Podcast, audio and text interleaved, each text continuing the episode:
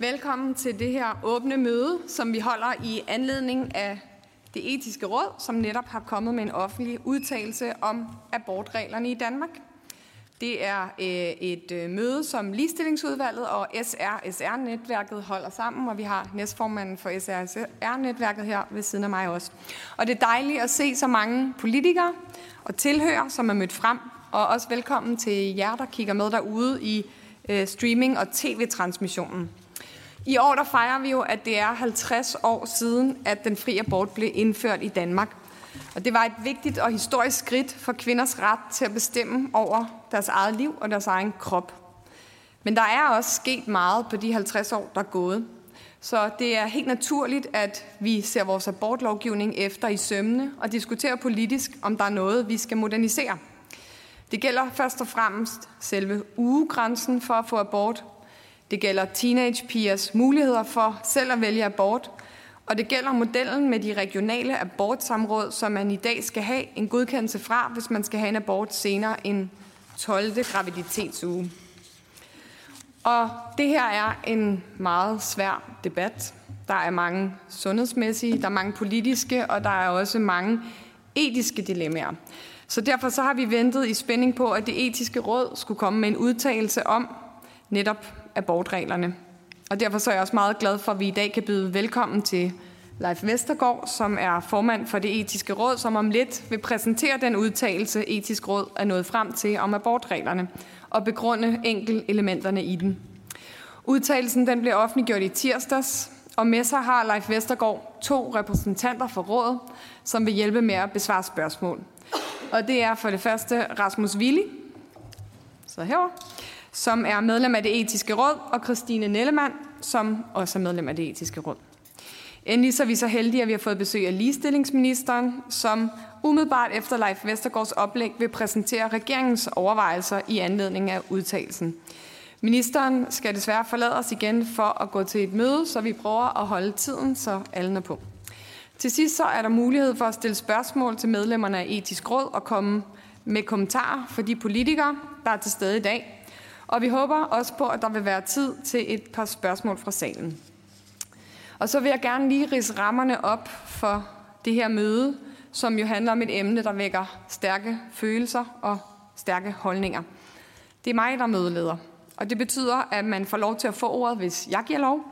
Og hvis der er nogen, der ytrer sig for eksempel fra salen, uden at have fået lov, så vil de blive bedt om at forlade salen.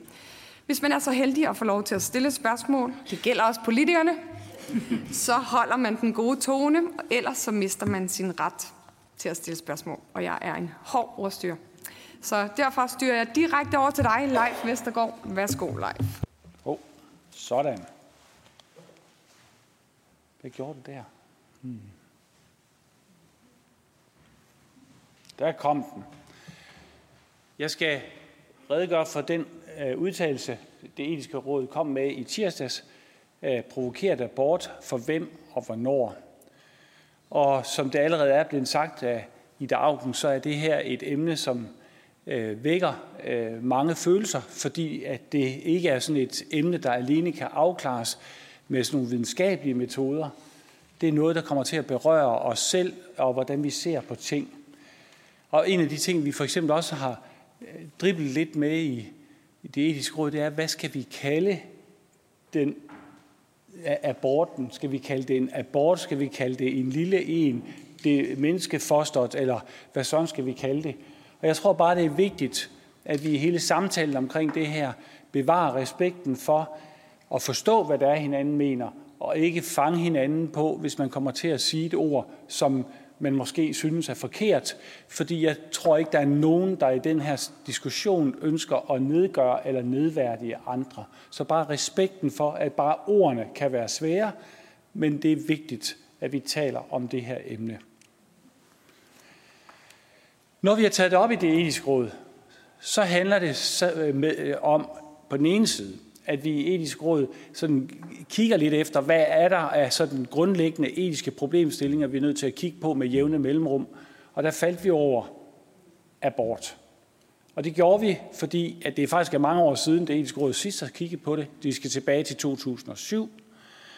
Vi kiggede også, vi synes også, at det var en særlig anledning, at det er 50 år øh, for den frie aborts indførelse i år, og at loven sådan grundlæggende har kørt uændret siden 1973.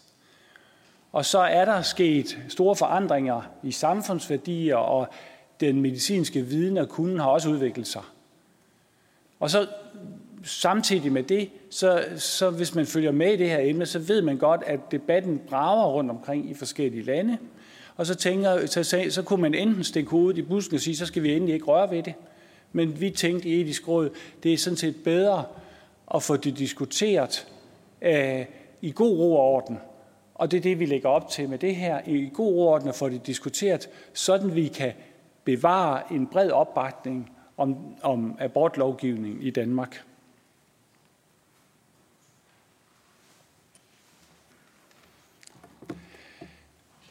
Rådet har holdt fem møder om det her fra maj måned til september måned i år.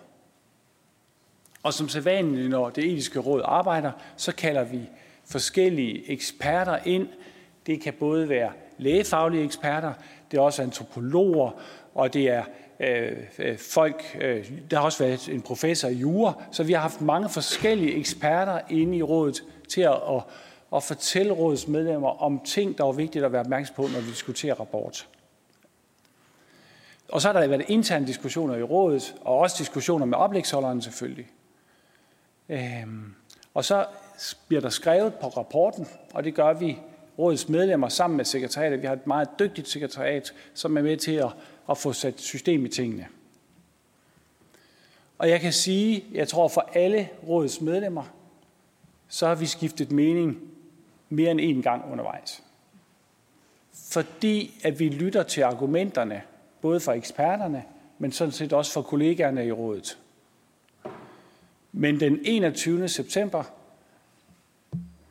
der kom det øjeblik, hvor formanden bad hver eneste medlem om at redegøre for, hvor står du henne, og hvad er din argumentation for din position. Det, øh, og så, redde, så kører vi hele rådet igennem på den måde. Og der er nogen, der siger, hov, jeg forstod ikke lige det argument, du kom med der, hvordan hænger det sammen med noget andet, fordi vi forsøger at kvalificere debatten. Fordi det er en vigtig del. Det vigtigste er ikke alene det, vi siger, men også, hvad er det for nogle argumenter, der kommer ud fra etisk råd. Og så ved I godt, når man så går fra mødet, så tænker man, hu, kom det hele med? Så derfor får vi lige lidt tid til at læse, om det hele kom med, og noget bliver lige rettet, og der er måske også nogen, der justerer deres synspunkt en gang til, og så fanger bordet. Og så ligger rapporten der, som den ligger nu. Tag den næste. Og de fire centrale hensyn, vi har kigget på, da vi kiggede på abort, det har været hensyn til den gravide, hensyn til fosteret, hensyn til sundhedspersonalet og de samfundsmæssige perspektiver, øh, Øh, øh, de samfundsmæssige værdier i det her. Og jeg skal sige, at, at alle fire hensyn tæller i rådets redegørelse. Især hensyn til den gravide og hensyn til fosteret. Det er ikke fordi, at sundhedspersonale betyder noget, men der er ikke så mange, der har gjort opmærksom på, at det er, at abort er et stort problem. Blandt andet også fordi, at lovgivningen er jo sådan, at enkelte sundhedspersoner kan sige, jeg ønsker ikke at medvirke i en, i en abort. Men, men alle hensyn har været, været med. Og når det er sådan, at man så falder lidt forskelligt ud, så er det ikke fordi, man ikke har forståelse for alle argumenterne, men fordi man vejer forskellige hensyn lidt forskelligt i rådet. Det er det, der, det er det, der er sket i rådet. Så tager vi den næste. Og det første hoveddilemma, vi har beskæftiget os med, det er i virkeligheden balancen mellem den gravides interesse, og man kan også sige ret til selvbestemmelse. Og når man ser det fra den side, så siger man, jamen det må jo bare være sådan, at det er kvinden selv, der kan bestemme. Vi kan vel ikke tvinge en kvinde til at gennemføre en graviditet. Og der tror jeg, at vi alle i rådet har været, og så på et tidspunkt kommer det, jamen hvad så med fosterets interesse i at leve? Er der nogen, der skal varetage fosterets interesse i at leve? Og ja, det synes vi alle sammen, men med forskellig vægt på forskellige måder i den redegørelse, der ligger. Vi tager den næste. Det andet hoveddilemma, det er den fosterdiagnostiske udvikling, som har fået betydning og vil få betydning for den frie abort. Da vi indførte den frie abort i 1972 og fastsatte en frist på 12 uger, der var det sådan, at, at øh, kvinden besluttede sig for en abort, fordi det passede ikke at få en abort nu her. Jeg vil ikke have et barn nu. Så det var, en, det var et fravalg af et barn, af, børn på det her tidspunkt for kvinden. Kom man, når man så kom efter den 12. uge, altså fristen for den frie abort, så begyndte man som kvinde at få noget information om det foster, om det barn, man ventede. Og så var der nogle kvinder, der sagde, jeg skal ikke have det her barn. Nu har jeg fået noget at vide om det her barn. Det kunne for eksempel være, barnet er, er, er, er, er, voldsomt handicappet, vil blive voldsomt handicappet, eller har hjernefejl, ja, alvorlig hjertefejl og vil dø kort efter fødslen, eller den slags ting. Altså når information, man gav kvinden, og så besluttede han sig for, at jeg skal ikke have det her barn. Det, der er på vej for øjeblikket, det er, at der er en udvikling af nye fosterdiagnostiske metoder, så man i stigende grad kan få nogle information om barnet på et tidligere tidspunkt. Og jo længere op man sætter fristen for den frie abort, jo mere viden kan kvinden få om sit foster. Og derfor har vi diskuteret en del om risikoen for, at der sker en selektion af fostre på baggrund af viden, som kvinden får undervejs. Øhm, og, og i hvert fald og vil gøre opmærksom på, at den her udvikling er ved at ske. Vi øh, anbefaler, at man kommer til at kigge lidt på, hvordan de første diagnostiske muligheder udvikler sig, og hvordan vi kan give kvinden en relevant oplysning på de relevante tidspunkter. Tag den næste. Og så kommer vi til vores anbefalinger. Omkring den fri abort, så er det ni medlemmer, der anbefaler, at grænsen for den fri abort flyttes til den 18. graviditetsuge. Og det betyder jo, at de medlemmer anbefaler, at kvinden ubetinget kan få en abort frem til uge 18. Hvis der skal foretages en abort efter uge 18, så er det ikke ubetinget, så skal det godkendes af nogen. Der er fire medlemmer, og jeg skal lige sige, at Rasmus, der sidder her, henne fra Etisk Råd, han er en af dem, der støtter øh, anbefalingen om 18 uger.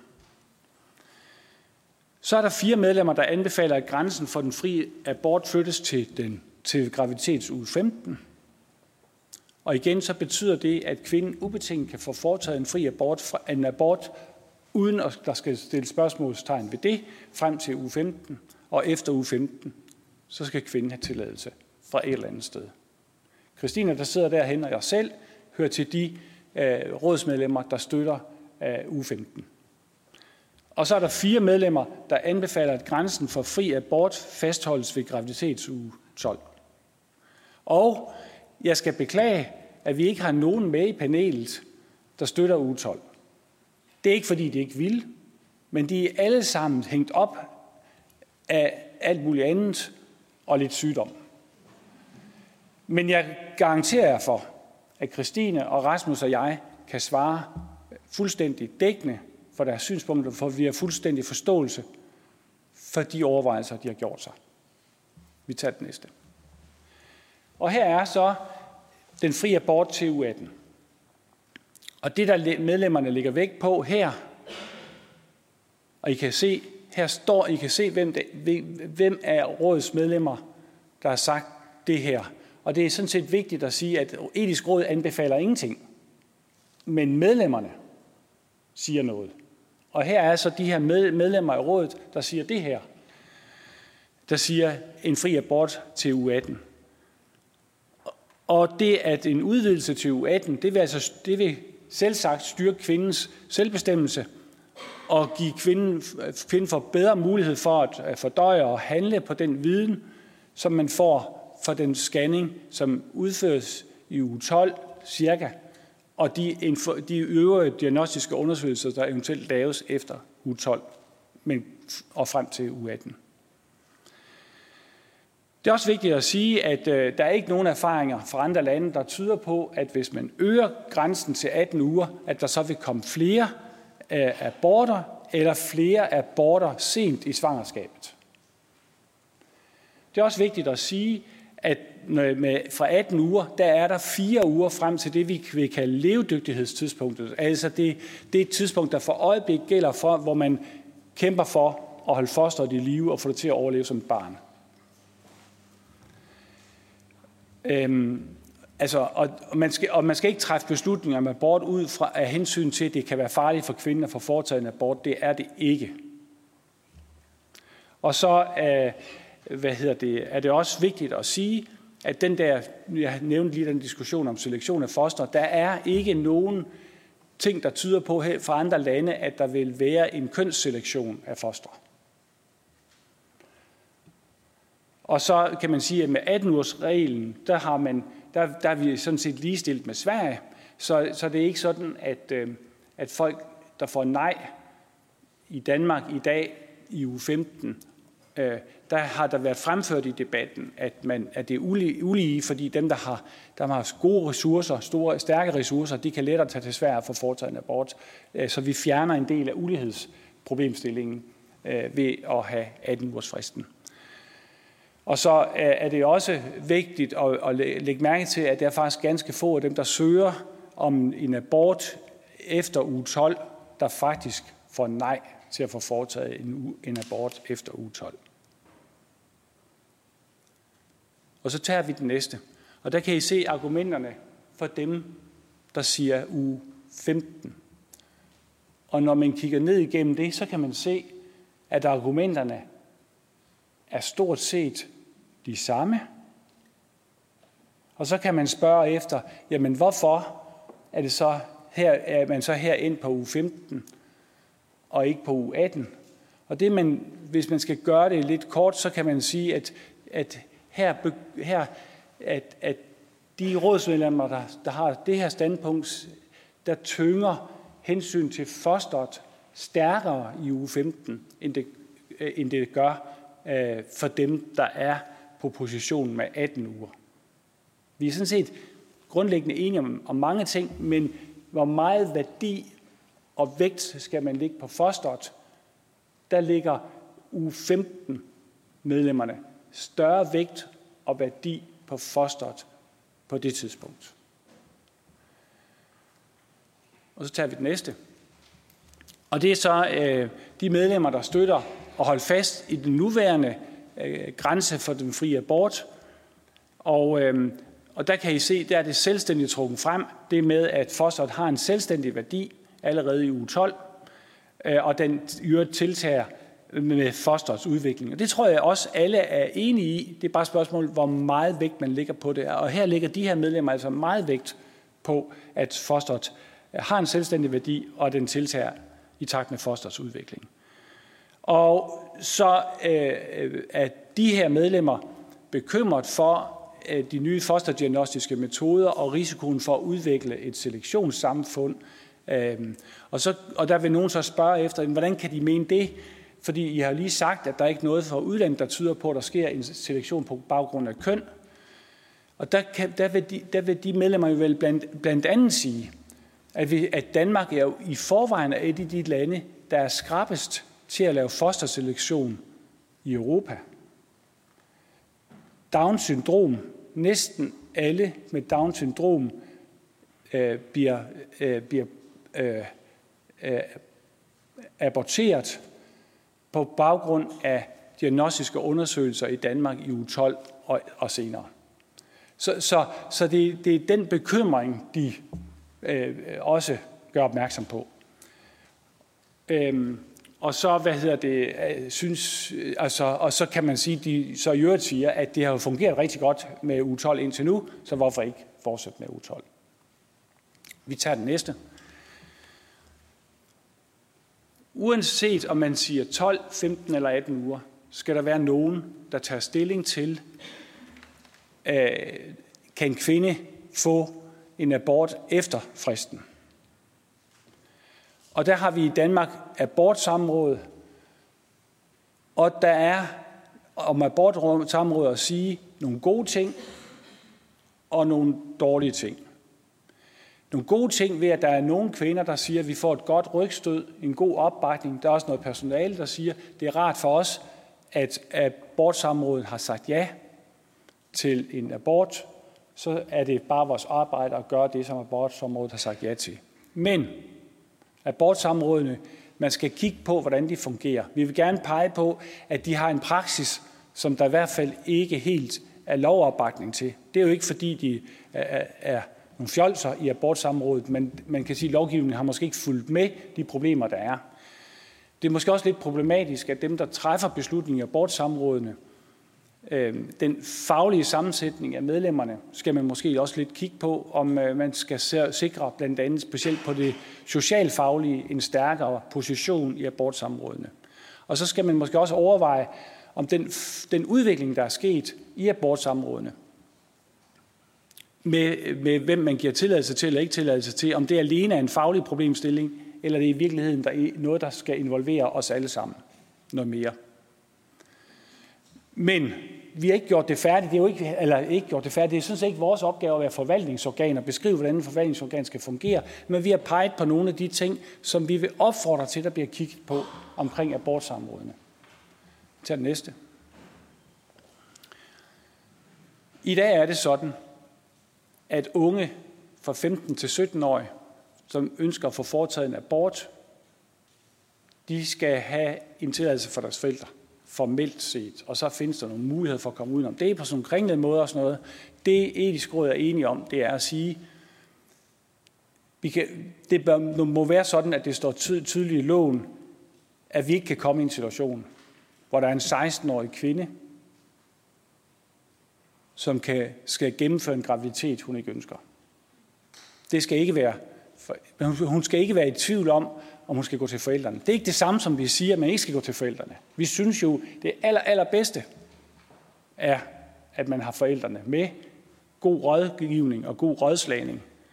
Men man må ikke være i tvivl om, hvem der i sidste ende bestemmer. Det er sådan set det, vi har sagt på det her felt her. At det er, og det er hensyn til den unge kvinde. Øh, den sidste, tror jeg det er, vi skal til nu.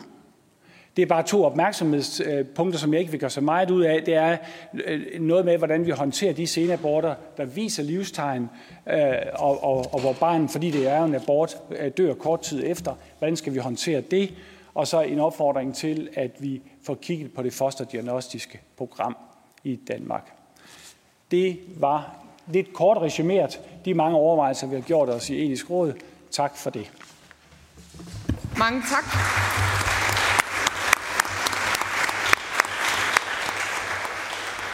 Mange tak, øh, Leif Vestergaard og til hele Etisk Råd for et meget stort arbejde, I har lavet. Øhm, nu vil jeg give ordet til ligestillingsminister Marie Bjerre, som vil komme med lidt reaktioner fra regeringen på anbefalingerne.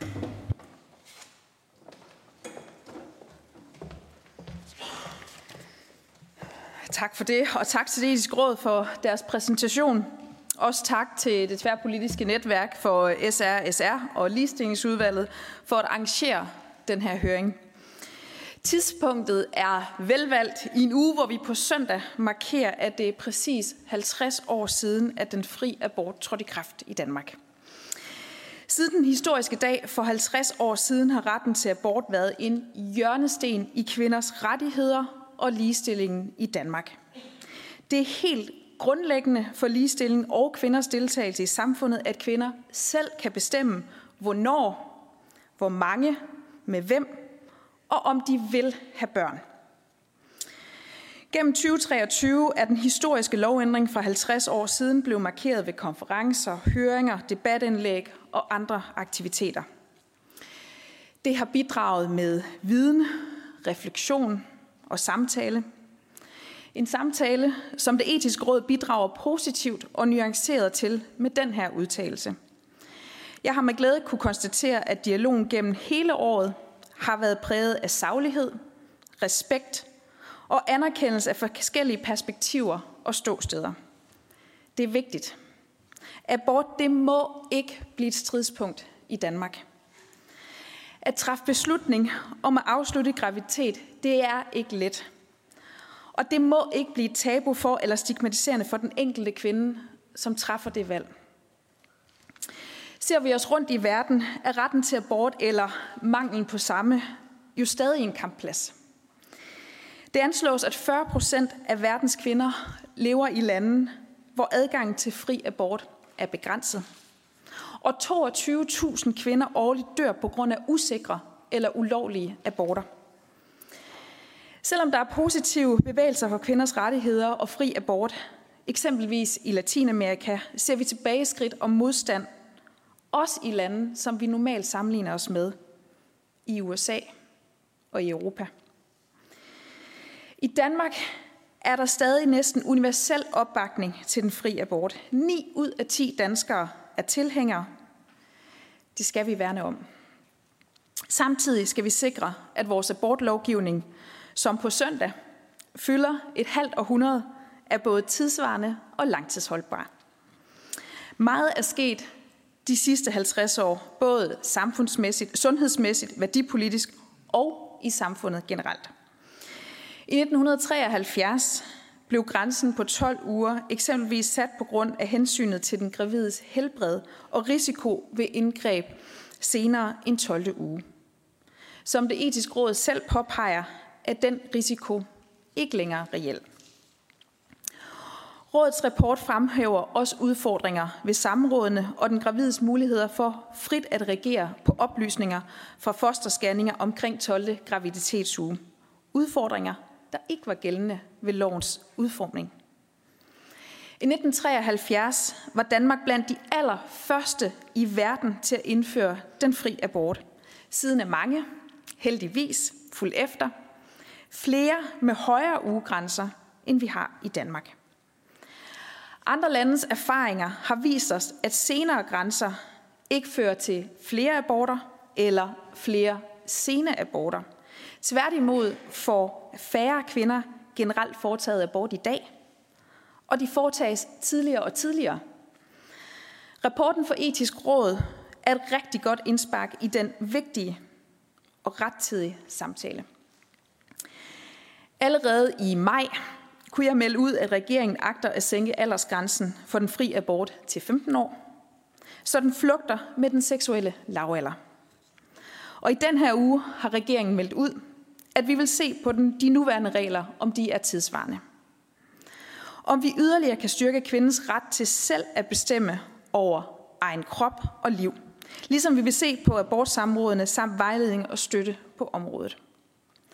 For regeringen er det vigtigt, at abortlovgivningen fortsat har opbakning fra et bredt flertal af Folketingets medlemmer og i befolkningen. For det er vigtigt, at nye løsninger er langtidsholdbare. Vi skal sikre, at Danmark fortsætter et land, hvor kvinders, kvinders rettigheder og ligestilling er noget, vi står sammen om. Ikke en kampplads. Derfor ser jeg også frem til, at vi både i dag og fremover fortsætter vores samtale om abort og kvinders rettigheder med saglighed, respekt og rummelighed for hinandens ståsteder. Tak for ordet.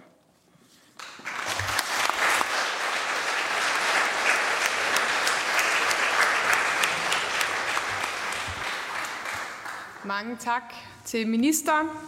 Så øh, åbner vi op for spørgsmål. Og den første, der har bedt om ordet, det er Mikkel Bjørn fra Dansk Folkeparti. Værsgo, Mikkel. Tak for, for det. Øh, nu nævner ligestillingsministeren det her med, at 9 ud af 10 danskere støtter adgang til fri abort. Hun, hun kunne også have nævnt, at 76 procent af kvinder bakker op om den nuværende grænse, og 67 procent af mænd. Men mit spørgsmål er egentlig øh, vedrørende det her med etisk status, altså hvornår et liv opfattes som et barn, og hvornår et barn eller et, et foster får status af at være et barn, øh, og dermed øh, få krav på beskyttelse og, og, og, og anerkendelse af at have værdighed. Øhm, fordi hvis man gør en ekstern omstændighed som den teknologiske udvikling til sådan en primær kriterium for øh, barnets sådan, øh, ret, eller fosterets ret til at, at overleve, øh, jamen, så kan man sige, så i takt med den teknologiske udvikling, skulle man så også, hvis man udvider grænsen nu til 18 uger eller, eller mere, øh, overveje at, at rykke den tilbage igen i takt med, den teknologiske udvikling på et eller andet tidspunkt måske gør det muligt for at leve uden for moren øh, tidligere, end det er tilfældet i dag. Øh, så har man ikke forholdt sig til, at der er nogle sådan der, om, der er, om der er nogle objektive kriterier, man kan forholde sig til i forhold til, hvornår barn får, børn får etisk status af, eller fostre får etisk status af at være børn, øh, i stedet for nogle eksterne omstændigheder, som kan ændre sig sådan løbende i takt med, med den teknologiske udvikling. Ja, og så et sidst øh, også bare, om man kan bekræfte, at cirka 15 procent af alle seneaborter, de viser så øh, meget tegn på liv, at fostrene registreres som børn og får tildelt øh, CPR-nummer. De får omsorg fra moderen og sundhedspersonalet indtil livstegn. De forsvinder, de bliver begravet. Er det et forhold, som man kan bekræfte? Tak. Mange tak til Mikkel Bjørn. Leif, vil du svare? Ja, øh, hvis vi tager det ville være meget enkelt, hvis vi kunne sige, hvornår er et foster et liv. Øh, og man kan sige helt tilbage i, da man diskuterede det i 1973, og sådan set også da Etisk Råd så på det i 2007, det beskriver, øh, og der kan måske mere tage afsæt i det, øh, Etisk Råd siger, det er, det er at, at vi i Danmark har sådan et graduistisk princip. Fordi man kan ikke helt præcis sige, at her er foster det liv, og der er nogen, der vil sige, at det sker ved undfangelsen, det sker ved, når øh, det befrugtede æg sætter sig fast i livmoren, øh, ja, og det får nogen til at på den måde gå imod overhovedet at have abort. Men i Danmark har vi sagt, det er ikke der. Og så kan man sige, hvornår er det så?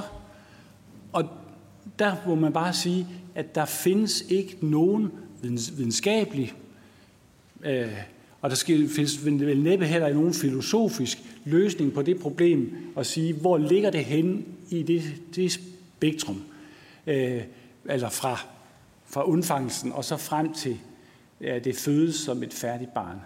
Så vi har i Danmark valgt det der graduistiske princip, hvor der sker noget, sagde, sagde, sagde vi i Danmark til hinanden i, for 50 år siden, ved 12. uge, der skal vi begynde at passe mere på fosteret, end vi skal før. Der er det alene op til kvinden, men efter den 12. uge, der skal vi også have nogle andre til at være med til at tage stilling til, om vi vil lade fosteret leve videre.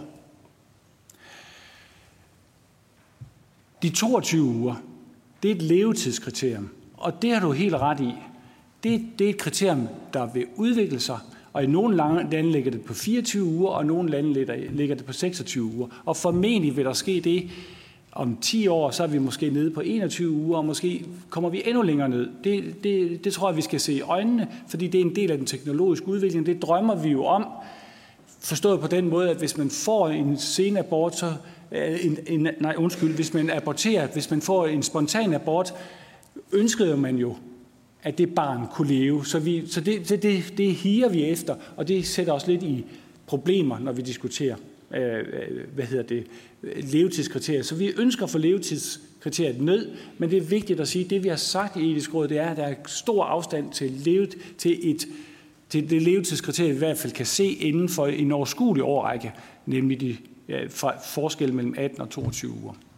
Så kort fortalt, vi kan ikke sige, hvornår et foster er et selvstændigt væsen, som, som kræver beskyttelse, og det har vi ikke kunne sige i Danmark i 50 år, og det kommer vi heller ikke til at sige sådan med, med stor overbevisning. Men man kan selv have en overbevisning, og det er helt legalt at have forskellige opfattelser af, hvornår man synes, grænsen skal være.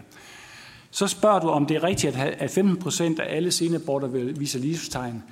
Øh, og det, det, er, det er sådan, at en del af senaborterne, altså efter u 12 til uh, u Øh, øh, 22 viser livstegn. Der findes en opgørelse fra Skyby sygehus, den siger 15 procent. Der er nogle andre, der siger, at tallet er lavere. Jeg kan ikke sige, hvor stort tallet er, for det er der faktisk ikke ret god statistik over. Vi prøver lidt at snakke lidt med øh, Styrelsen for øh, Sundhedsdatastyrelsen hedder den, om vi kan få, vi komme lidt tættere på. Men jeg tror, at det store problem det er, at det ikke alle af de senaborter, der viser livstegn, der helt bliver registreret sådan som man gerne vil, som de måske skulle, og det gør man ikke også af hensyn til de forældre, eller de, det par, der står og har fået en sen abort. Undskyld lidt lange svar. Svarer du på, det kan være, jeg ikke hørte det, om hvis, øh, hvis, hvis teknologien bringer os ned i retning af 20. uge, 18. uge, hvad så?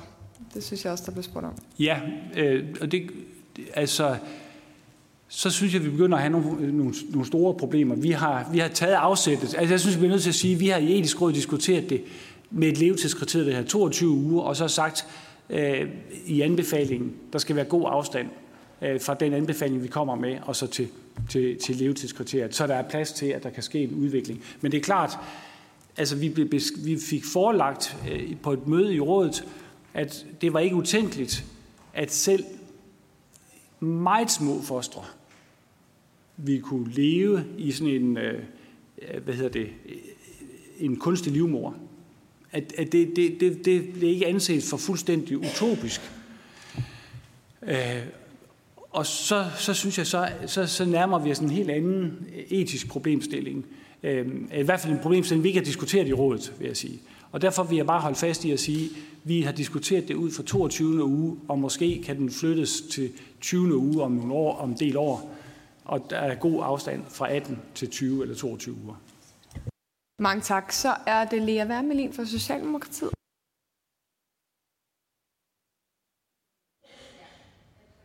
et, øh, et kort her, men jeg kan fint øh, dele med Rosa. Og øh, jeg vil også gerne kvittere for det meget, meget øh, gode arbejde, I har lavet i etisk råd. Øh, jeg er selv også øh, tilhænger af, at vi øh, følger den anbefaling, der ligger øh, fra, øh, fra et flertal i rådet. Men det, jeg egentlig ud over ugedelen gerne vil spørge ind til, var også noget af det, der fyldte det. Vi fik en gennemgang i virkeligheden, inden anbefalingerne blev offentliggjort, nemlig det her omkring abortsamrådene. Øh, fordi det slide, som jeg også viser i dag her, har jo en række spørgsmål, som vi politikere bør overveje. Er det her nu også øh, den rigtige måde at gøre det på? Jeg synes, det er meget klart vidner om, det er det ikke. Og derfor skal det laves markant om. Øh, men det er jo ikke nogen særlig håndfaste anbefalinger, som etisk råd har på det øh, punkt, kan man sige, om hvordan det så skulle strikkes sammen. Noget af det, som vi har været omkring, det var, kunne man ud fra en positiv liste, også hos moren, sige, jamen der er noget, hvor du bare med det samme har ret til en abort, også efter den abortgrænse, der så bliver sat, fordi det jo vil betyde, at man ikke skal gå med en uønsket graviditet længere tid end højst nødvendigt. Det er sådan set godt for alle, tror jeg. Så, så kan I prøve at uddybe de overvejelser, der har været i forhold til de her abortsamråd, om der har været overvejelser om en ny konstruktion, om man kan gå til praktiserende læge, eller, eller hvordan man kunne gøre det. Det er ligesom den ene ting. Den anden ting, jeg gerne vil spørge ind til, det er det her omkring, at vi jo giver langt de fleste gravide en anden scanning, som jo ligger efter den uge, som etisk råd her øh, anbefaler. Og jeg synes øh, personligt, at det er problematisk, at vi har den scanning på et tidspunkt, hvor at man ikke som kvinde har lov til frit at reagere på den scanning bagefter, man skal spørge nogen om lov. Øh, der har været nogle overvejelser om, kunne man flytte den scanning frem, så den lå før den abortgrænse, der så øh, er. Har det været diskuteret? Fordi jeg synes, vi, vi kommer jo til at stå lidt i den samme diskussion, hvis man mener, at kvinden har ret øh, til egen krop, at man får en scanning på et tidspunkt, hvor man ikke selv kan bestemme, hvad man vil gøre ved det. Tak. Mange tak. Leif, vil du svare? Ja. Øhm, omkring abortsamrådene.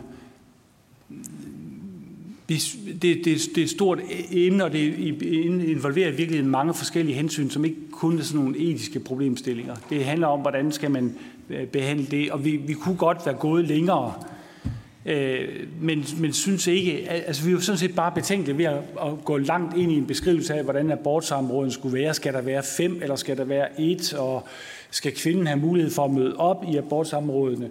Øh, så, så det er vi altså, det er vi altså ved lidt tilbage til, og hvis det er noget, øh, som, som, som I mangler rigtig meget, så går vi gerne ind i det, men det kan godt være, at der er også andre, der, der, der var bedre til i virkeligheden at prøve at beskrive, fordi der, der er rigtig meget med jure øh, i det her. Der er også nogle etiske problemstillinger i abortsamråden, og der, der kan vi godt bidrage, men, men, ja, men det er sådan en kompleks samspil. Så det, det er derfor, vi ikke er gået for langt ind i det. Vi synes, det var vigtigt at blive skarpe på de andre anbefalinger, og ikke gå ind meget ind i, hvem skal sidde og, øh, og alt sådan nogle ting.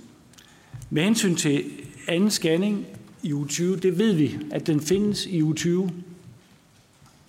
Øhm, og det vil være sådan, at der vil være nogle kvinder, øh, men der vil være nogle kvinder, som får en oplysning i den, ved den scanning, som de siger, så ønsker jeg at få foretaget en abort. Og så kan man søge øh, abortsamråd, eller hvad det nu kommer til at hedde, så kan man søge om det i den model, vi har. Fordi hvis vi sagde, at hun skal ikke søge nogen steder, hun skal, så betød det, at vi faktisk ophævede grænsen for den, for den frie abort, så vil abortgrænsen ikke ligge på 18 uger, men ligge på 22 uger. Og det kan man selvfølgelig vælge. Det har der ikke været nogen i rådet, der har indtaget den position. Vi har ligget, der er ikke nogen, der er gået under 12 uger, og der er ikke nogen, der er gået over 18 uger i den diskussion, vi har haft.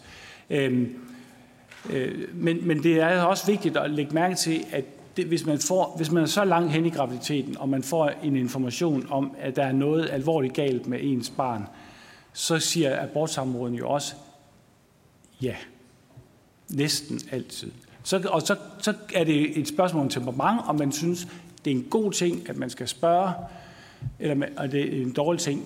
Bare fremhæve, at det for nogle kvinder er en god ting at få at vide så langt hen i graviditeten, få en, en, øh, en støtte til det, og på den anden side øh, kan det også være vigtigt for sundhedspersonalet, når de står med det problem, at det er en graviditet i 20. uge, eller 21. uge, og der skal foretages en abort, at der er andre end kvinden selv, der bare har sagt, at det vil jeg gerne.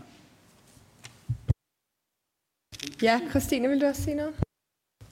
Du sagde, spurgte lidt til en positiv liste, ikke også? Sådan, så hvis der er en fosterdiagnostisk øh, undersøgelse, så kan man sige, hvad, hvad gør man så? Og det vi har diskuteret, blandt andet, vi har diskuteret meget om det her, det er, jamen det vil nok give øget transparens, lidt mere overensstemmelse mellem de forskellige samråd og regioner. Øh, hvis man havde en form for liste over, jamen de her udfald, det synes vi faktisk, øh, det kunne være så alvorligt, så kvinden skulle have ret til at, at få en abort, også en, en senere en, en uge 12, 15 eller 18. Men, men det er selvfølgelig noget, som vi nærmere synes skal diskuteres, fordi det er ret, her kommer vi ind på noget af det, der påvirker samfundet. Kan det være stigmatiserende så at få børn med det handicap, eller være en, der har sådan et handicap, eller hvad det nu end er. Så det her er faktisk noget af det, vi lægger op til. Der, der bør vi snakke mere om det, inden man sådan øh, laver en liste over det. Det kunne gøre nogle ting nemmere, lidt mere transparent, ensartet, men, men det kunne også stigmatisere. Ja, tak. Så er det Marlene Harpsø fra Danmarksdemokraterne. Ja, først en øh, stor tak for en, øh, en ordentlig gennemgang af, af rådets øh, udtalelser omkring et, et meget svært etisk spørgsmål. Jeg synes, det blev gjort med, med i hvert fald fremlagt med stor værdighed omkring det, det svære etiske spørgsmål. Leif Vestergaard, du nævnte under fremlæggelsen, at det var vigtigt at bevare en bred opbakning til abortlovgivningen i Danmark.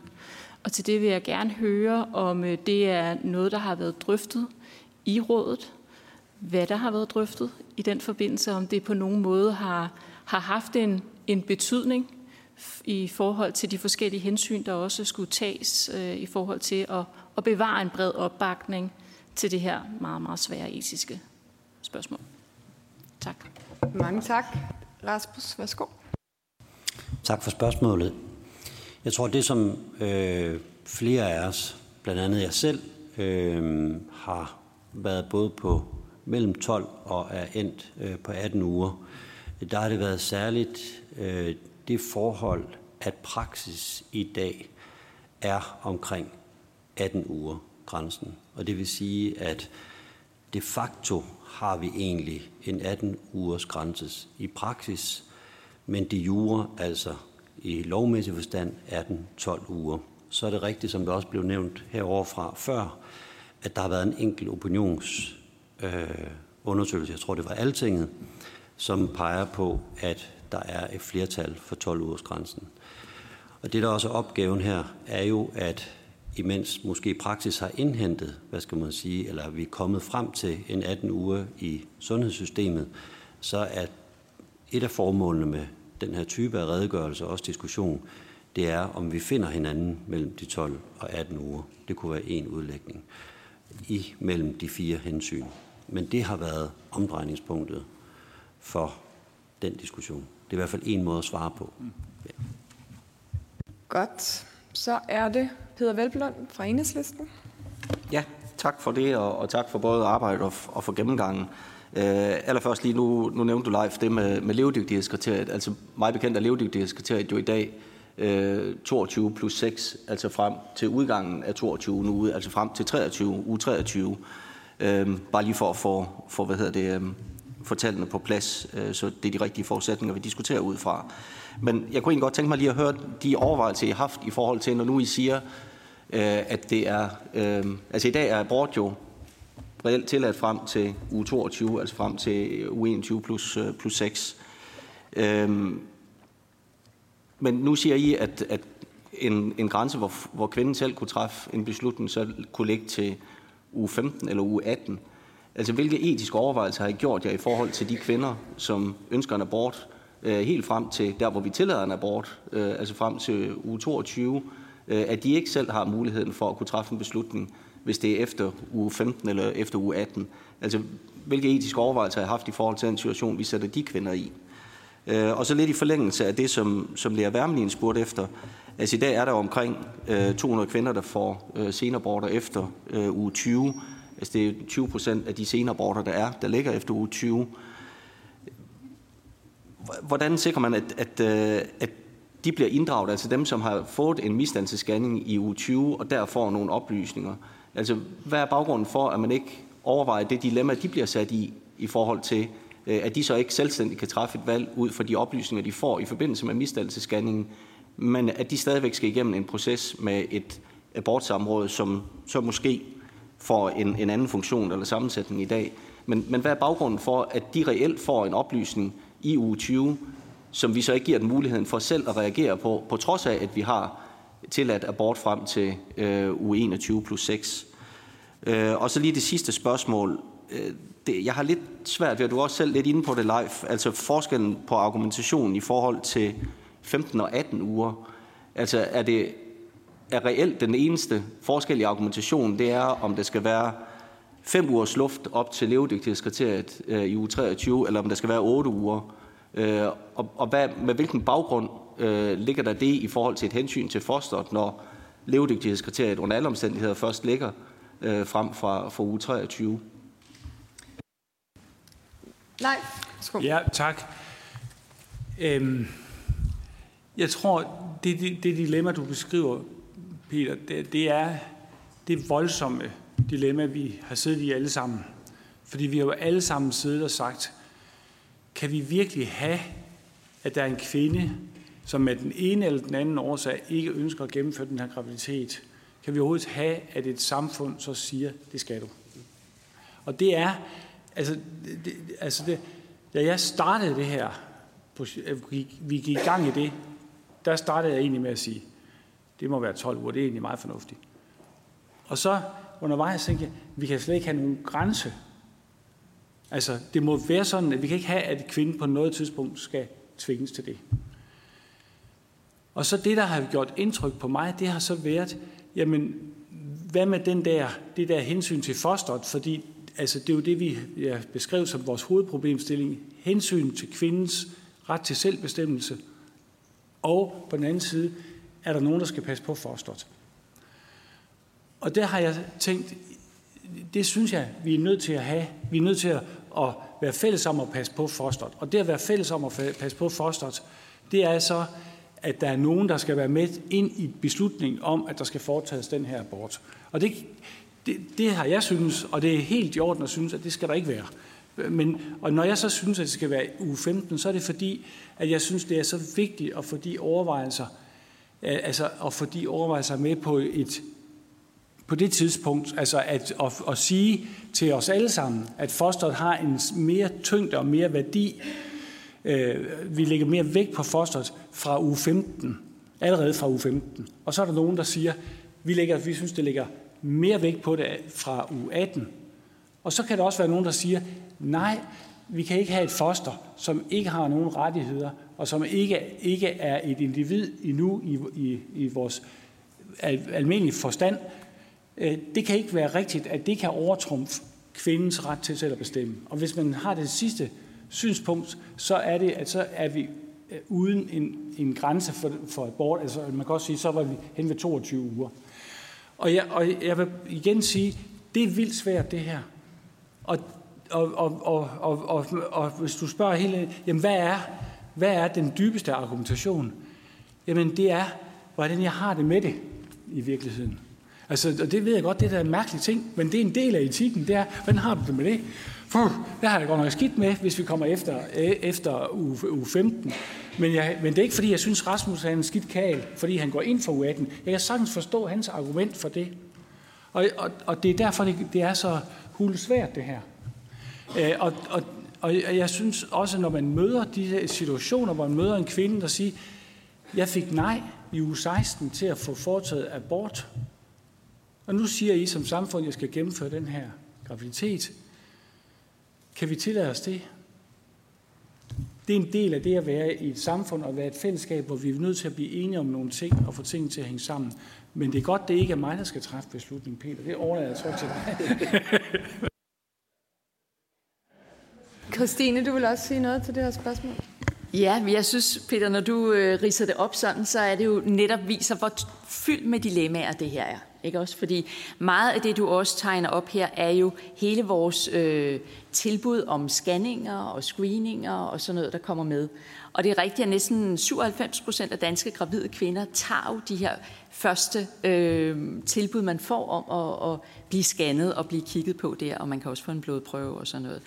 Og så viser det sig, at faktisk 94 procent eller andet tager faktisk også anden screening, som så ligger det senere. Og det vi så øh, kom frem til, det var, jamen selvom, hvad kommer der så frem i anden screening, hvor man går mere i dybden, hvor man kan lave flere genetiske undersøgelser, jamen synes vi så som samfund altid, at, at de ting er så alvorlige, at de skal kunne lede til en abort. Fordi det er så sent, og fosteret er så stort. Og så ender jeg også ud, ligesom, lidt ligesom live, med at sidde og sige, hvad, hvad er det så, jeg føler dybt nede i maven?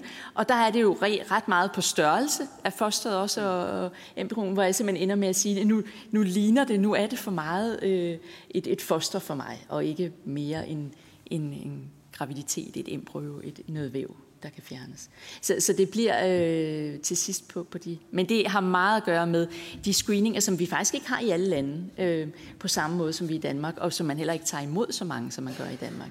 Så, og så stiller man netop kvinden op parret i den her situation. Og hvorfor jeg så ender på 15 i stedet for 12 uger, er fordi så giver man parret og kvinden lidt længere tid til at tænke over, hov, der kom den her risiko, eller der er det her problem i det foster, jeg bærer er det noget, jeg kan leve med, i stedet for at det måske bliver for en forhastet beslutning. Det er det, jeg håber på. Mange tak. Så er det Camilla Fabricius fra Socialdemokratiet. Tak for det. Øhm, jeg synes, vi har været omkring, hvorfor I ikke har kigget på mere end 18 uger. Jeg synes, det havde været rart, at I havde gået længere og kigget på muligheden, så vi havde kunne se, hvad rådets medlemmer kunne have haft anbefalet der. Øh, ikke at, at det er der, vi stiller os, men mere for at få tankerne. Jeg synes, det godt kan blive en lille smule snævert, når vi hører de utrolig mange kvinder derude, som gerne vil have haft, de havde taget stilling til noget mere. Øhm, når øh, formanden øh, beskriver det her med, at man har hørt eksperter man har gjort gynekologer og obstetikere og andre. Men de rigtige eksperter, tænker jeg over, de kvinder, der har oplevet abort i øh, de her forskellige uger. Så hvordan har I arbejdet med at inddrage den store erfaringsgruppe, der ligger? Øh, og hvis man hører den offentlige debat netop på de kvinder, der har budt ind med det, Øhm, så er det i hvert fald noget af det, jeg synes er væsentligt at lytte til, både i det, som læger øh, Værmelin også siger i forhold til abortrådenes øh, konstruktion, men jo også på, hvad er det real betydningen er derude. Hvad er det for en betydning, det har for ens liv, om man får et barn eller ej, og hvad er retten til, at nogle andre bestemmer over ens krop. Øhm, så lidt om, hvordan I er nået frem, og hvilke organisationer på, på kvindeområdet I, I har samarbejdet med, som har den her praksiserfaring. Mange tak. Leif, er det dig? Jeg prøver, mm, jeg kan sige, at Vi har haft øh, øh, vi har hørt fra den organisation, dem har vi ikke haft inde til øh, møde, men retten til liv har vi fået materiale for, som indgået i arbejdet.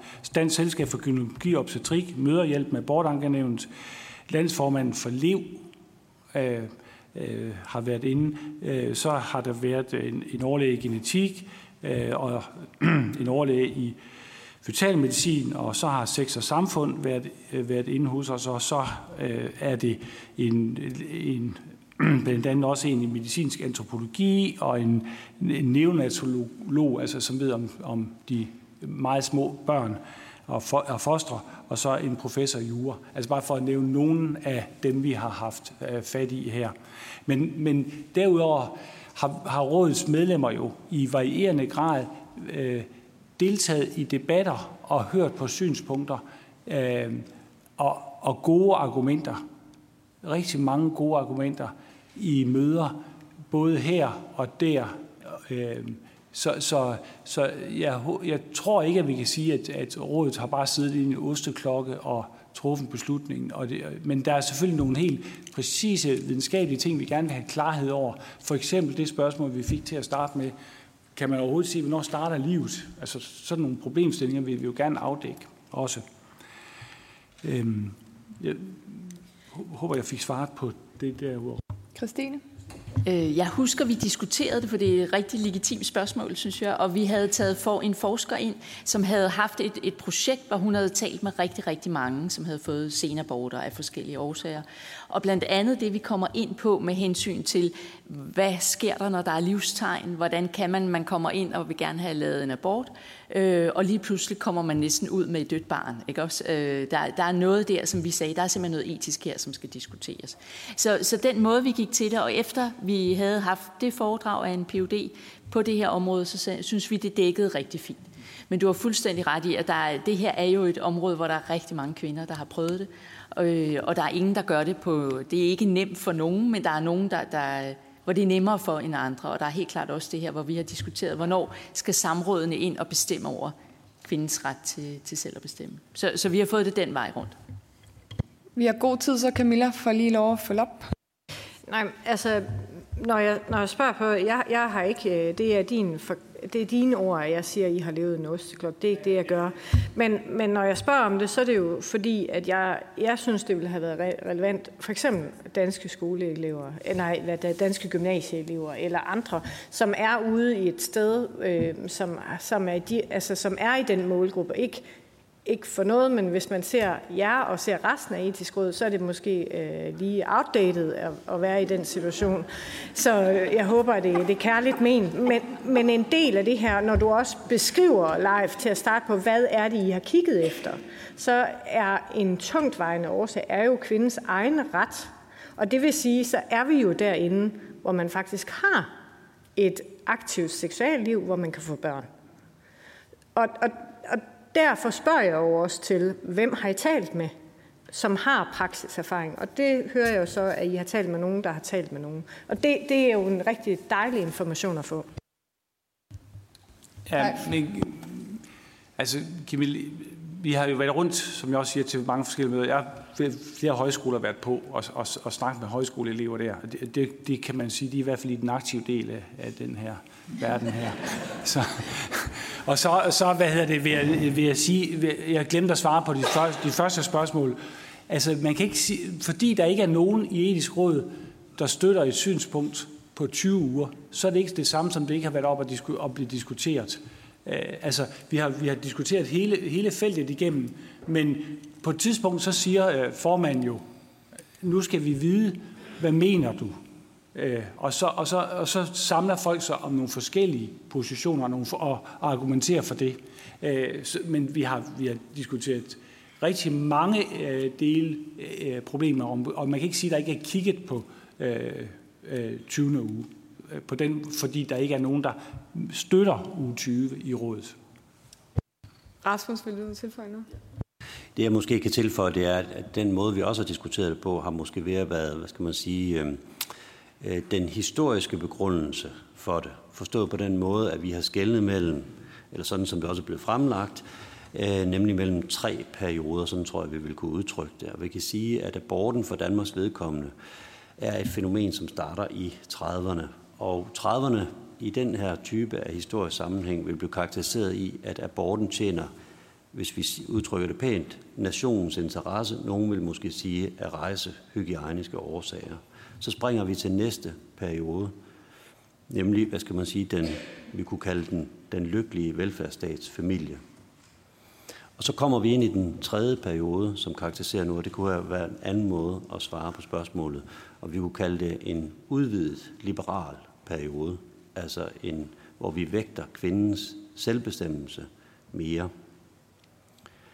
Så den, den gradvise, hvad skal man sige, udvidelse af friheder, rettigheder, der kan man så sige, jamen, der vil antallet af uger følge med.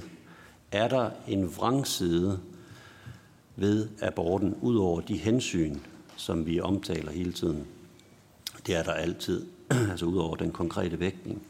Og den måde, vi har talt om det på, det er jo, at hvis vi skal være, nu kan det være, at Leif Nivum og jeg om lige om lidt, men en måde at prøve at udtrykke det på, fordi der altid er en vrangside ved ting, det kunne vi kalde øh, liberal arvehygiejne. Forstået på den måde, at det bliver op til den enkelte i et samfund at vælge, hvilket barn vil jeg have. Og det, det er igen her, at man kan sige, at for hver historisk epoke er der en vrangside, og det er derfor, vi hele tiden appellerer til, at vi træder varsomt og forsigtigt ind i antallet af uger også, fordi vi også har hele fosterdiagnostikken oveni. Så det etiske spørgsmål er hele tiden, eller det, der definerer etikken, er jo, at vi hele tiden har flere med i den beregning. Det er hele tiden hensynet til den anden. Øhm, så det har været en anden måde at tilgå, vil man sige. men jeg tror faktisk, udfaldet er det samme øh, til de spørgsmål. Og med den lille historielektion for Rasmus og øh, reklameindslag fra højskolerne, vil jeg næsten sige, øh, så øh, giver jeg ordet til øh, Mette Thiesen. Værsgo. Tusind tak, øh, og, øh, og tak for øh, ja, både en grundig øh, indføring i jeres tanker forleden, og, og, og nu også igen. Øh, en første ting, Rasmus, kunne godt lige tænke mig, at du bare lige øh, udfoldet. Jeg har en idé om, hvad du mener, når du siger, øh, at man de facto har en 18-ugers grænse på nuværende tidspunkt. Man kunne godt tænke mig, at du lige foldede det ud, fordi min tanke er, at øh, det er øh, hvad skal man sige, gennemsnittet af de senaborter, der trods alt bliver lavet. Øh, men, men, men det må du lige, det må du lige ret, hvis det er. Jeg var en lille smule nysgerrig på, både Mikkel fik ikke svar på et spørgsmål i forhold til det her, når barnet får et CPR-nummer. Og det var derfor, vi henviste til de 15 procent fra Skyby sygehus. Øh, Fordi at, øh, altså, så har man jo reelt set et objektivt kriterie om, at det her det er et dødt barn. Det har fået et CPR-nummer. Øh, så, øh, så det kunne jeg egentlig godt tænke mig, at I, I foldede lidt ud. Og den sidste ting, fordi det bliver nævnt rigtig tit i debatten, det her med, at der er andre lande, der har senere grænser. Øh, hvor lang erfaring har de haft med de grænser? Fordi min øh, umiddelbare er, at de har ikke haft super lang erfaring med de her grænser. Og jeg synes, det var nemlig noget, som, som, som etisk råd selv sagde på det her møde, som jeg synes var ret fint, nemlig at der var også en bekymring i forhold til det her med designerbørn, og, og, og hvor, hvad sorterer man fra på baggrund af, og så videre, i forhold til det med fosterdiagnostikken, som jeg synes er en fuldstændig re, øh, re, reel og legitim øh, bekymring, øh, som jeg også deler. Øh, men det er mere det der med, det er jo begrænset, hvor, hvor stort et evidensgrundlag du har, hvis Sverige for eksempel har haft den grænse i to år. Altså, det er jo ikke, det er jo ikke særlig lang tid. Så det kunne jeg egentlig godt tænke mig, om I ved noget om det, ellers må jeg jo stille ministerspørgsmål eller andet. Mange tak. Hvem vil Rasmus? Værsgo. Ja, for at svare på spørgsmålet, altså i, øh, i den skældning, jeg lavede før i forhold til de facto og de jure, så øh, var det i forhold til, hvor antallet, der får øh, bevillet sen abort efter uge 12, der må man sige, der har vi cirka nogle 50 sager tilbage. Ud af dem ved vi nu, øh, at en andel af dem tager til Sverige eller England. Og det vil sige, at vi har forsvindende få tilbage. Og det, derfor mener jeg sådan set, at praksis allerede er omkring de 18 uger. Det er ikke det samme, skal jeg selvfølgelig må sige, øh, at vi er der, som vi også diskuterede tidligere, øh, i befolkningen, men det er, det er, det er ud fra den begrundelse her. Ja, øh, der var lige et par spørgsmål. Ja, Tager du dem øhm, det, er, det, det, det er et spørgsmål om de sene aborter, altså de aborter, der foretages efter 12. uge og frem til og med, eller i hvert fald til og med 20. uge og måske helt op til 22. uge. Der er det sådan, at hvis det er sådan, de viser livstegn, det vil sige, at blandt andet der er hvad hedder det, hjerteslag eller puls i, pulsering i navlesnoren, så skal de efter Sundhedsstyrelsens øh, regler registreres som et barn og tildeles et CPR-nummer. Det har man gjort op på i en undersøgelse i Skype i 2011, tror jeg. Den undersøgelse blev lavet. Og der fandt man frem til, at det lå omkring 15 procent. Øhm, vi har prøvet at kigge på, kan vi finde andre undersøgelser, der viser det samme, eller der har undersøgt det samme, og det kan vi faktisk ikke finde helt. Der er så nogen, der har prøvet at spore ude i Sundhedsdatastyrelsen her, hvor mange registreres med et CPR-nummer, og der når vi ikke op på 15 procent af de der senaborter. Og det får vi så øh, forklaring på, at det kan sagtens være, fordi at, øhm, at man ikke altid registrerer, som Sundhedsstyrelsen har sagt, man skulle. Og jeg synes sådan set egentlig, det også er lidt ligegyldigt. Om, eller det, for mig betyder det mindre, om det lige er det ene eller det andet eller det tredje tal. Det man bare skal gøre sig klart, det er, at som vi har det lige for øjeblikket, så er det sådan, at hvis, hvis et foster viser livstegn efter fødslen, efter, efter aborten hedder det, så, så, så skal det registreres som barn, og det er, der, det er der nogen, der bliver. Og det skal vi lige finde ud af, om vi håndterer de kvinder rigtigt i den situation. De gik måske ind for at få foretaget en abort, og så gik de derfra med et barn med et CPR-nummer, som var dødt.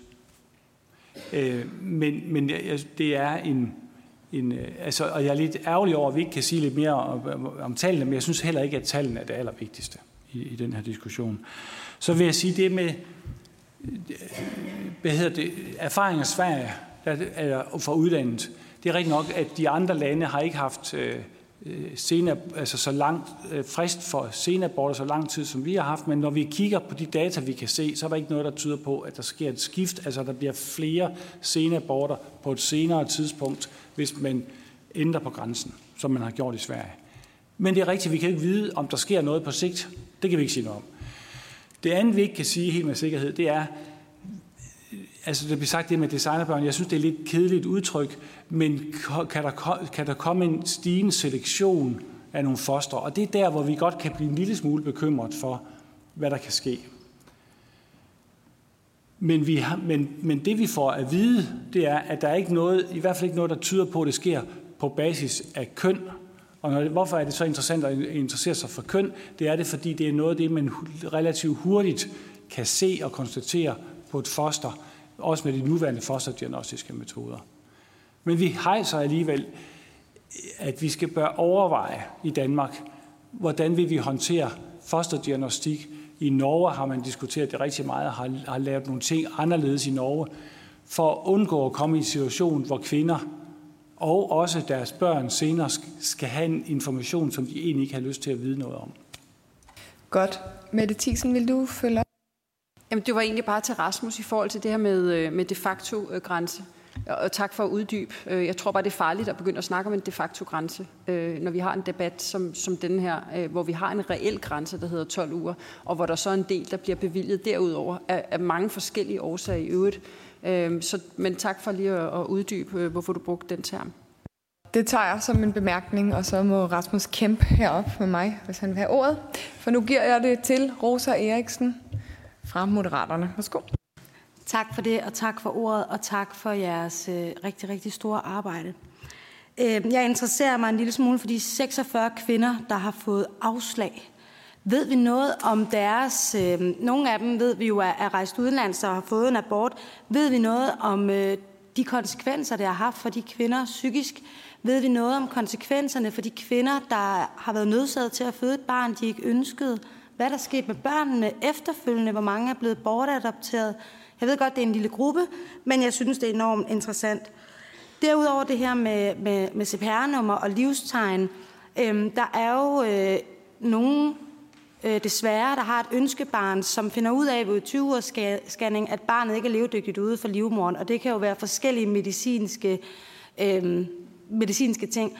Er der nogen... Øh, er der nogle tal på, hvor mange af de så senaborter, hvor der er livstegn, er fordi, at kroppen lukker ned, fordi den simpelthen ikke kan overleve? Øhm, der er jo et mørketal der. Og så de meget ulykkelige omstændigheder, hvor man går hele graviditeten ud og føder et dødfødt barn, får de også et CPR-nummer. Så det var, det var egentlig nogle ret konkrete spørgsmål. Ja. Er det dig, Leif? Ja, jeg, kan, jeg godt, jeg har en livline her, der kan sidde og hjælpe med.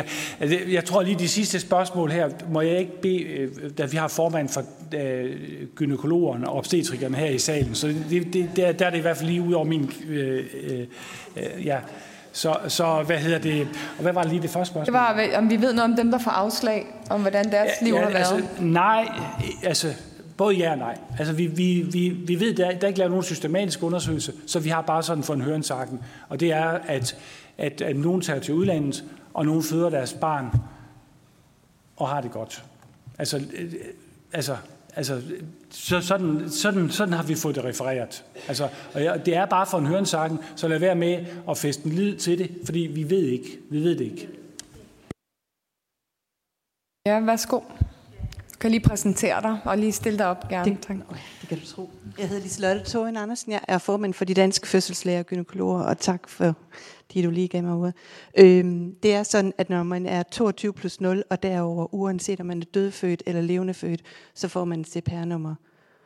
Så det var svaret. Så vil jeg bare lige korrigere. Der, altså, I to, undskyld live, men i, øh, i Sverige er grænsen for fri abort rykket til at, øh, 18. uge i 75, så det er jo mange år siden. Der er ikke sket en øgning i antallet af de sene aborter øh, i Sverige. Vi har lige fået præsenteret tallene i sidste uge fra Christina Gemsel. Og det sidste, jeg lige vil sige, nu jeg lige fik til mikrofonen, undskyld, det er... Kommer vi og tager dig? Ja, det ved det godt, jeg hørte det godt. Det er, at at det der med livstegn i u 18, det synes vi måske ikke skal fylde så meget. For de fleste, som, som får en abort i u 18, og der, der er livstegn, så kan det faktisk betyde for vores forældrene, at de kan nå at sige farvel til det første. Det bliver aborteret, fordi at der er et eller andet galt med det første. At der så er livstegn. Fred med det. Vi, de, de fleste forældre de er faktisk glade for at kan sige farvel til fosteret. Og det synes jeg er rigtig vigtigt, at I som politikere tager med. Øh, og de kommer ikke ind og rapporterer uden at vide, hvad det er, de går ind til. Vi siger til dem, når de når derhen til, der er en risiko. Hvis det er, den viser livstegn, så kan vi blive nødt til at give det et CPR-nummer, som loven og som retten, retten, øh, rettighederne er i dag. Og det betyder, at det får et CPR-nummer, en dødsattest og skal begraves. Og det er der rigtig mange, der synes er rigtig fint. Tak. Mange tak, Liselotte. Det er godt at have fagkundskaben her også. Så er det Solbjørg Jacobsen fra Liberal Alliance. Værsgo. Mange tak. Og tak for redegørelsen og også en øh, utrolig god illustration af, hvordan man kan respektere hinandens holdninger. Jeg synes, det er helt admirabelt at se, at I kan sige, vi kan godt forstå, hvad dem med et andet synspunkt den også har, og kan godt redegøre det for det også. Det synes jeg, at vi er mange, der rigtig skal tage til os og lære af. Fordi det er et mega svært emne. Jeg hørte engang nogen nævne det som, øh, at abort er et etisk kompromis. Fordi at øh, vi, har, vi, har, vi kan ikke etisk tillade os at tvinge kvinder til at gennemføre en graviditet, de ikke ønsker. Men vi kan heller ikke etisk tillade, at man bare kan få en fri abort helt op til fødslen. Altså, så så, så der er, det, det er jo et kompromis for nemlig både at tilgodese kvinden og og fosteret, som på et tidspunkt jo bliver i barn. Men, men der har vi jo den grænse, som bliver nævnt her i dag, også 22 uger i dag i Danmark. Så mit spørgsmål går egentlig bare på øh, de anbefalinger, I har fået frem til, som er 12 og 15 og 18 uger. Øh, er der nu ridsede I også godt op for argumentationerne for dem, og de, de jo ligner jo rigtig meget hinanden. Det handler bare meget om, hvor er det, man, hvornår er det, man begynder at vægte fosterets værdi mere. Og heldigvis hører jeg ingen sige, at vi ikke skal have abortrettigheder øh, i Danmark. er der noget andet ud over at, at den faktorer, som, som svinger lidt mellem jer, der, der gør, at der ligger noget på 15 og noget på 18? Altså kunne de i princippet have været 13 og 17, eller er der noget konkret i det ugetal? Det kan jeg godt lige høre. Godt. Værsgo. Jeg vil bare sige, det kunne godt have været 14. Det kunne også have været 17. Altså, det, det lad være med, der er jo ikke nogen matematisk model for det her. Så det er bare, det er, det var bare, altså, der, der blev formanden også lidt streng og sagde, vi nytter ikke noget, hvis vi siger 12, 13, 14, 15, 16, 17. Altså, vi, kan ikke have, vi må ligesom prøve at samle os om, om, om noget, og så bliver det altså 12, 15 og 18. Og hvis vi går tilbage og læser Etisk Råd tilbage i 2007, sagde de, det er en arbitrær grænse, 12 uger. Og det var også en arbitrær grænse, da den blev fastlagt i, tilbage i, øh, da den frie abort blev indført. Og det, er, øh, og det er også lidt arbitrært, om det er det ene eller andet. Ikke, at der er forskel på de tre. Så øh, har jeg tilladt mig at sætte mig selv på øh, med to spørgsmål, der måske ligesom øh, hos jer stikker i hver sin retning. Øh, fordi Leif, du sagde, at alle rådets medlemmer har skiftet mening mere end en gang. Og at du på et tidspunkt selv havde været op med, at der slet ikke skulle være nogen grænse. Kunne du sige lidt om, hvorfor er der ikke nogen, der er endt på det standpunkt? Hvorfor er der ikke nogen, der er endt med, at man skal ikke, slet ikke have en grænse? Og dermed så vil jeg stille det stik modsatte spørgsmål, som er forlængelse af det, Rosa Eriksen spurgte om. Kunne det etiske have set, kunne jeg have haft det anderledes i maven? Det, dit beslutningsorgan, som jeg forstår det er. Øh, hvis du havde... Øh, jamen, det har jeg fuld respekt for. Det er, det er faktisk... Øh, det er faktisk sådan mange politiske beslutninger der tror. Kun, kunne I have haft det anderledes, hvis vi havde hørt fra de 50 kvinder? Altså, hvis I virkelig havde taget dem ind, fordi jeg synes, at vi havde høringen her sidste gang, og vi fik gennemgangen af abortsområdene og hørte om en kvinde, som var blevet voldtaget, som ikke havde, som havde fået et afslag. Selvfølgelig vil I gerne lave den del om. Øhm, der var også en, som havde ingen social netværk, misbruger, øh, 19 år, øh, ingen kompetence, ingenting, øh, afslag. Øh, og, og selvfølgelig kan man korrigere det ved at putte social indikation ind i samrådene, men man kunne også sige, lad os lige høre for de 50 kvinder hvert år, om de ændrer en lille smule på mavefornemmelsen. Sidder I alligevel med en fornemmelse nu, når I har fået de her spørgsmål og tænkt, det har vi ikke fået båret helt ud?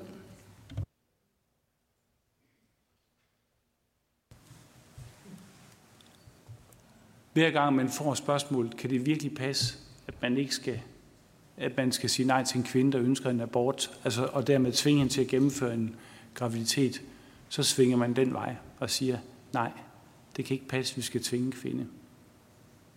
Det, det kan, altså, det, så, ellers så tror jeg simpelthen ikke, man arbejder sig ind i spørgsmålet.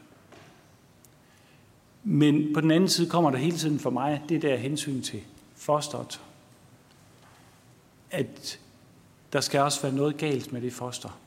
Fordi vi skal huske, at hvis vi siger, at vi fjerner grænsen, vi ikke har en grænse på 15 uger eller 18 uger, så indfører vi den frie abort, og det vil sige, at en kvinde kan få foretaget en abort, uden der er noget galt med fosteret, men fordi at det, pas, at det passer mig ikke at få foretaget, eller for, for, at, at få det her barn på nuværende tidspunkt. Og kan vi tillade os det over for fosteret, og der siger, der siger jeg, nej, det kan vi ikke. Det synes jeg ikke, vi kan tillade os over for fosteret. Jeg synes, det er den der afvejning for fosteret. Så, så, så, så, så mit svar er, at, at hvis jeg havde mødt alle de der 50 kvinder, så ville det have gjort stort indtryk på mig. Lige så stort indtryk, som det gør, når du siger det nu her, eller som det var, da jeg var her i, salen den dag, vi fejrede det. Men, men, men jeg er så bare gået tilbage til at sige, der er nødt til at være noget hensyn øh, til, det der, til, øh, til, til fosteret. Og det, det tynger for mig der fra omkring 15. uge. Øh, ja. Christine, værsgo. Og så lidt i forhold til social indikation, hvor vi faktisk også er faldet over. Vi synes, at, at det er for svært faktisk at, at få en senabort ud fra nogle af de sociale faktorer. Øh, der er noget der, som, som vi gerne vil have, man kiggede nærmere på. Men, men ellers så meget, som Leif siger, det, øh, man har næsten stået nogle gange og tænkt, nej, livet er heldigt. Respekten for det er kæmpestort. Og så andre gange tænkt, man kan ikke få en kvinde til at gennemføre en graviditet, og hvad det bliver det for et liv for det barn, og så videre i den anden ende. Så, så det, der er virkelig mange dilemmaer i det her. Og der er vi jo etisk råd så, øh, så vel stillet, at vi ikke behøver at tage beslutningen, men vi nuancerer debatten, og vi tænker og taler og reflekterer i rigtig lang tid i et tillidsfuldt rum. Det kan jeg kun anbefale. Så fik vi den. Tak for det. Øh, Øh, Peter, du har et øh, kort spørgsmål, og så ja. når vi lige også et spørgsmål fra salen, jeg har i hvert fald noteret en her. Tak for det. Jeg har et kort og måske lidt polemisk spørgsmål. Lige først tak til Liselotte for at få præciseret det med øh, abortlovgivningen i Sverige. Den er jo tilbage fra, fra 75 og har været 18 uger øh, fra dag Men det er bare fordi, når I siger både Leif og, og Christine, at, øh, at det jo er en subjektiv vurdering, og at I faktisk baserer det på en mavefornemmelse, hvorfor har I så ikke tillid til, at kvinden kan træffe den beslutning, men at det er andre, der skal gøre det?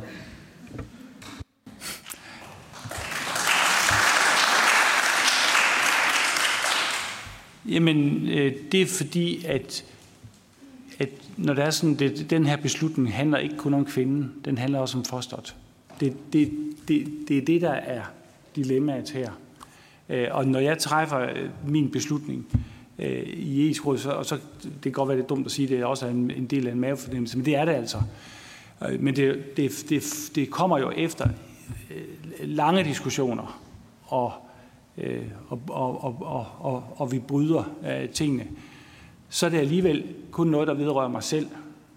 Den, altså, det råd, jeg afleverer, er noget, der vedrører mig selv. Men det, der er det, det svære ved, ved det her, og det er derfor, det er et, et, et, et etisk problem, det er, at det vedrører andre eller andet også. Stine? Ja, jeg synes, vi skal lige tage tilbage og sige, at der er faktisk øh, færre og færre aborter, vi kan se over øh, årene. Og vi kan også se, at de aborter, normalfri abort, bliver foretaget rigtig, rigtig tidligt. Så det er simpelthen øh, yngre kvinder og unge kvinder, som, som hurtigt finder ud af, at de er gravide, og så får foretaget en abort. Så, så hele det, vi har egentlig stor tiltro til, at kvinder selv kan styre det rigtig, rigtig meget. Det er 5 procent i Danmark, som er senaborter. aborter. Øh, og der er det jo tit medicinske eller nogle, nogle grælde sociale ting. Så vi har stor tillid til dem. Men stadigvæk så kommer det ind, hvordan er det, det påvirker i forhold til et foster, og i forhold til det liv, det er, og så også i forhold til samfundet, hvis vi gik meget langt med, hvornår vi kunne abortere fostre i, øh, i størrelse, i, i levevilkår, eller at de var levedygtige, så, så ville det gøre noget, som, som jeg ser det i hvert fald. Nå, nu er vi i den vanskelige situation. Der er to minutter tilbage i den her del, inden Peter skal afslutte, men nu fik han øh, lov at stille spørgsmål, så jeg stjæler et par minutter af din afslutningstid. Så jeg synes lige, vi skal nå et eller to spørgsmål fra salen, og den her her var meget hurtig, så giv os plads til nogle andre og være kort og præcis. Ola Bjørn Petersen, jeg er fødselslæge, og jeg er også professor i øh, fatalmedicin. Øh, og først ros. Øh, vi har ventet mange år på, på, øh, på det her. Øh, og så lige et hurtigt spørgsmål. Øh, af et par stykker. Har I overvejet en differentieret grænse, for eksempel 18 for, for sociale øh, aborter, hvis man kan kalde det, og, og 22 for fosterskade aborter? Og så lige en, en, en forundring, fordi øh, man kan høre på, at I lægger rigtig meget vægt på fosterets etiske status. Det får lige ud over tre sider cirka i, i, i, i rapporten, og blandt andet så siger du, at gradualisme er sådan nok en officiel dansk retning. Men din forgænger embedet Clemens Kappel foldede det her ud over 23 sider, altså udelukkende fosterets etiske status. Så jeg synes, der er noget, der mangler. Jeg gerne spørge, har du data på det der med, om, dan, om gradualisme virkelig er en officiel dansk holdning til det her? Teknisk så bruger 20 sider på fosterdiagnostik, øh, og jeg håber, at I så, hvis I beskæftiger med det, vil, øh, vil inddrage organisationer og fagpersoner mere i det, til det faktuelle. Godt, tak for det. Og vi nåede også, der var lige en her, så når vi også lige et spørgsmål der. Beklager, det er hvad vi når. Ja, Ellen Højlund Ibe fra Landssekretær i Retten til Liv.